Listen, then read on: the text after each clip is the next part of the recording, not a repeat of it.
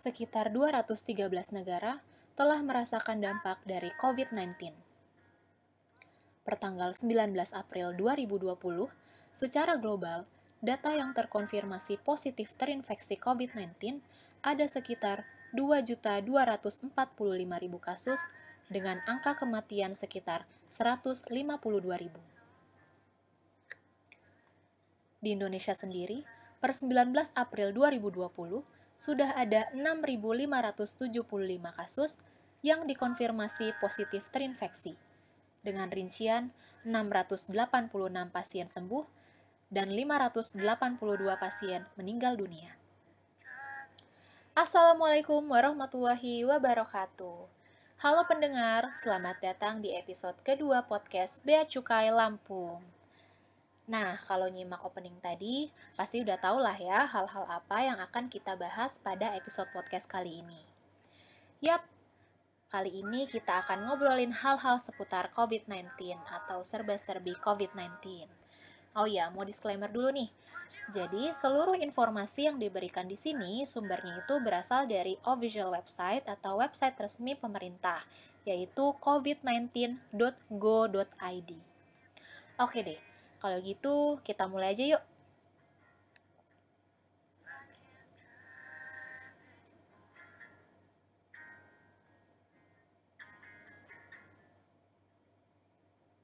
Nah, aku yakin nih sebenarnya pendengar di sini tuh pasti udah tahu banyak soal COVID-19. Secara COVID-19 ini kan adalah masalah yang dihadapi oleh hampir seluruh negara di dunia, termasuk juga Indonesia. Nah, tapi nggak apa-apa ya kalau kita bahas lagi di sini. Jadi, sebenarnya COVID-19 itu apa sih? COVID-19 yang merupakan singkatan dari Coronavirus Disease 2019 adalah penyakit yang menyerang saluran pernafasan yang disebabkan oleh coronavirus jenis terbaru yaitu SARS-CoV-2. Nah, jadi COVID-19 itu sendiri adalah nama penyakitnya. Sementara Jenis virus penyebabnya disebutnya SARS-CoV-2. Ternyata si virus ini tuh masih satu geng dengan coronavirus penyebab penyakit SARS yang muncul pada tahun 2003 dan juga penyakit MERS yang muncul pada tahun 2012. Kalau teman-teman pernah sempat tahu ya beritanya booming banget tahun 2003 dan 2012 silam. Lalu, awal kemunculan dari COVID-19 ini tuh sebenarnya seperti apa sih? Oke, mari kita coba cek timeline berikut. Pada tanggal 31 Desember 2019, Kantor Perwakilan Badan Kesehatan Dunia atau World Health Organization atau WHO di China melaporkan kasus pneumonia yang belum diketahui penyebabnya di kota Wuhan, Provinsi Hubei, China. Lalu pada tanggal 30 Januari 2020, WHO menetapkan kondisi akibat dari si virus ini sebagai kedaruratan kesehatan masyarakat yang meresahkan dunia atau Public Health Emergency of International Concern. Nah, lalu pada tanggal 12 Februari 2020, WHO resmi menetapkan penyakit novel coronavirus pada manusia ini dengan sebutan COVID-19. Kemudian tanggal 11 Maret 2020, akhirnya WHO menetapkan COVID-19 sebagai pandemi. Terus pandemi itu apa sih? Jadi, menurut Rebecca S. Fischer dari Texas A&M University, pandemi itu adalah wabah penyakit menular atau epidemi yang tidak terkendali, menyebar secara global, dan umumnya menjangkiti banyak orang.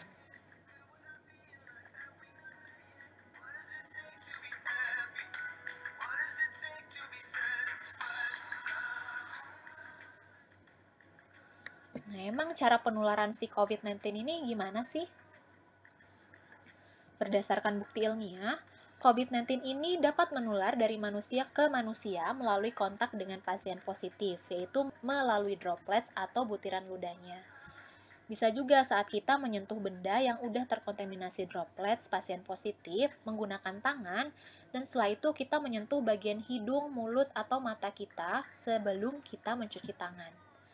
Karena ternyata nih si coronavirus ini dapat bertahan pada permukaan benda mati selama berjam-jam bahkan berhari-hari loh teman-teman. Nah, terus seperti apa sih gejala atau tanda-tanda seseorang itu terinfeksi COVID-19? Gejala umumnya yaitu di antaranya gangguan pernafasan akut seperti demam 38 derajat Celcius atau lebih, lalu batuk, sesak nafas, bisa juga disertai letih dan lesu. Nah, tapi kalau kalian mengalami salah satu dari gejala tersebut, nggak berarti otomatis kalian ini terinfeksi COVID-19 ya, karena memang butuh pemeriksaan lebih lanjut untuk mengetahui apakah kita benar-benar positif atau negatif COVID-19 gitu. Karena nih ternyata ada juga kasus pasien positif yang tidak mengalami gejala apa pun. Disebutnya orang tanpa gejala atau biasanya kita dengar juga istilahnya disebutnya carrier. Nah, si OTG atau carrier ini juga ternyata dapat menularkan COVID-19-nya ke orang lain.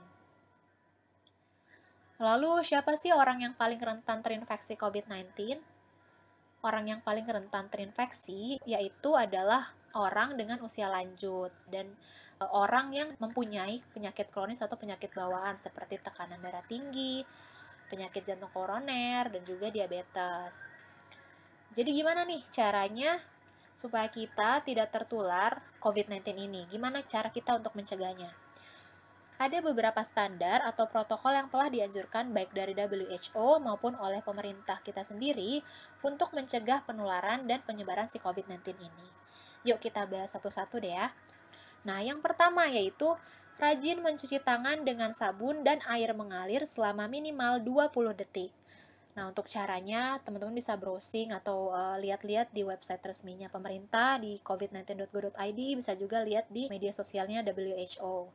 Kemudian, hindari menyentuh hidung, mulut, dan mata saat belum mencuci tangan. Karena tadi seperti aku bilang, ternyata si COVID-19 itu bisa bertahan di benda-benda mati, berjam-jam maupun juga berhari-hari. Jadi, teman-teman usahakan memang harus sering-sering dan rajin mencuci tangan.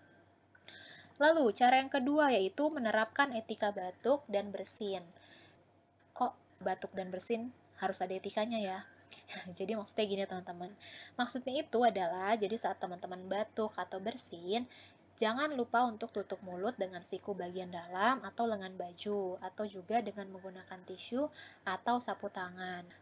Yang ketiga yaitu menjaga kesehatan dengan menerapkan pola hidup yang baik seperti makan makanan bergizi kayak sayur, buah, pokoknya usahain 4 sehat 5 sempurna itu kita konsum tiap hari. Nah, lalu minum multivitamin, kemudian istirahat yang cukup dan juga rajin olahraga. Ingat ya, olahraganya juga secukupnya aja, nggak boleh berlebihan.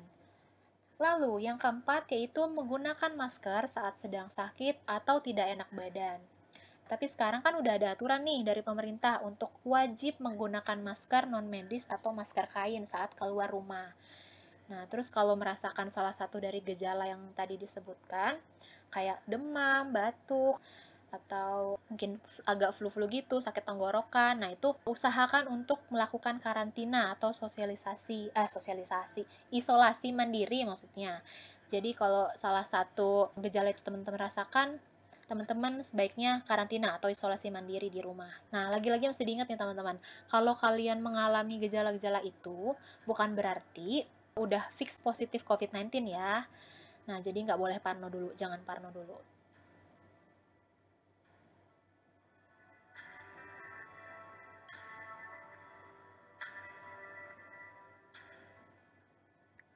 Lalu, yang kelima, nah ini nggak kalah pentingnya, untuk mengurangi rantai penyebarannya, yuk kita sama-sama lakukan physical distancing atau social distancing dengan ikutan gerakan stay at home atau di rumah aja atau work from home, study from home, pray from home. Jadi bekerja, belajar, beribadahnya yuk di rumah aja.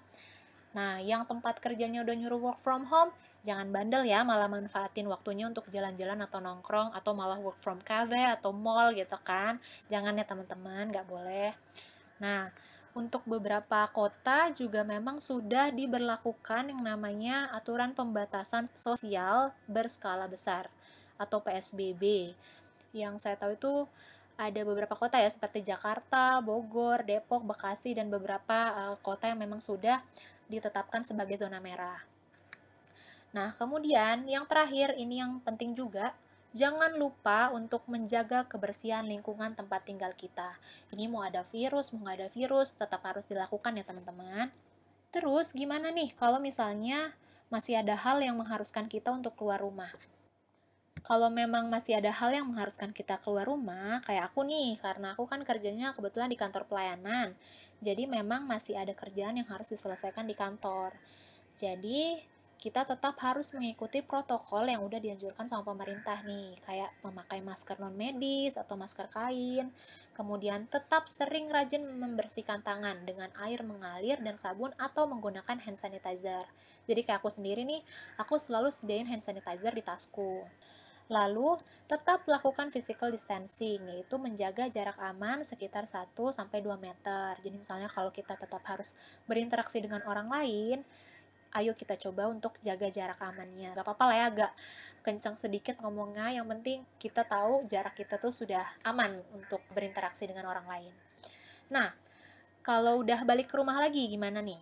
Kalau udah balik, yang pasti jangan lupa untuk lepas alas kaki sebelum masuk rumah. Kemudian taruh barang-barang yang dibawanya di satu tempat. Lalu boleh dilap, jadi kayak dilap-lap lah ya pakai kalau aku sih biasanya ya udah pakai sanitizer aja gitu di kapas, kemudian ya dilap sedikit di permukaan kayak handphone, kemudian jam tangan atau bisa juga semprot-semprot di tas yang baru dibawa keluar rumah. Terus lagi-lagi jangan lupa buat cuci tangan dan kalau bisa langsung mandi aja guys biar udah makin yakin ya kalau kita tuh bersih dan udah ber, uh, apa namanya si virus-virus atau si bakteri-bakteri yang dari luar tuh udah hilang gitu kan. Lalu baju dan maskernya jangan lupa untuk segera dicuci juga. Karena kita tuh nggak pernah tahu kan bakteri atau virus apa yang nempel di badan kita atau di benda-benda yang kita bawa saat kita keluar rumah. Gitu. Oke deh, itu tadi serba-serbi tentang COVID-19. Semoga infonya bermanfaat ya. Oh ya, sekalian mau promosi media sosialnya Bea Cukai Lampung boleh ya? Untuk dapat informasi terkini seputar kepabeanan dan cukai, yuk sering-sering cek Instagram, Twitter, atau Facebook kami di @beacukai_lampung. Bisa juga kunjungi websitenya di bclampung.beacukai.go.id. Yang mau tanya-tanya via WhatsApp juga bisa banget nih. Kontaknya di 0821 830 894 kali. Untuk info terkini soal COVID-19, teman-teman silahkan coba cek website resmi pemerintah di covid19.go.id covid 19.go.id Pokoknya ceknya di situ aja deh informasi serba-serbi COVID-19 lengkap banget ada di situ. Jadi jangan cari berita dari sumber-sumber yang nggak jelas nih. Pokoknya intinya teman-teman nggak boleh termakan hoax yang malah bikin makin panik ya teman-teman jangan panik, tapi kita tetap harus waspada juga. Pandemi COVID-19 ini kan sebenarnya sudah ditetapkan sebagai bencana non alam ya. Jadi ada baiknya juga kita saling membantu dan saling mendukung. Misalnya nih kalau ada rezeki lebih, bisa banget nih ikutan donasi alat pelindung diri untuk tenaga kesehatan atau bisa juga donasi sembako buat orang-orang yang membutuhkan. Nah, banyak platform setahu yang udah mulai coba buka-buka donasi teman-teman bisa pilih banyak banget di Instagram, di website, silahkan pilih platform mana yang teman-teman pengen untuk menyalurkan rezeki lebih teman-teman. Nah, terus kalau ada orang yang kita kenal dinyatakan positif terinfeksi, jangan malah dijauhi atau dikucilkan ya teman-teman. Jangan memberikan stigma negatif terhadap mereka. Tapi kita harus memberi mereka semangat agar mereka ini termotivasi untuk sembuh. Nah, dan juga mari kita sama-sama berdoa agar pandemi ini segera berakhir, agar kita bisa kembali beraktivitas dengan normal lagi. Bisa pergi ke kantor dengan normal, sekolah atau kuliah dengan normal lagi, bisa berkumpul lagi dengan keluarga dan sahabat tanpa ada rasa khawatir ya teman-teman. Oke deh, terima kasih sudah mendengarkan episode ini hingga akhir. Sampai jumpa di episode berikutnya. Stay healthy and stay safe ya teman-teman. Wassalamualaikum warahmatullahi wabarakatuh. Bye.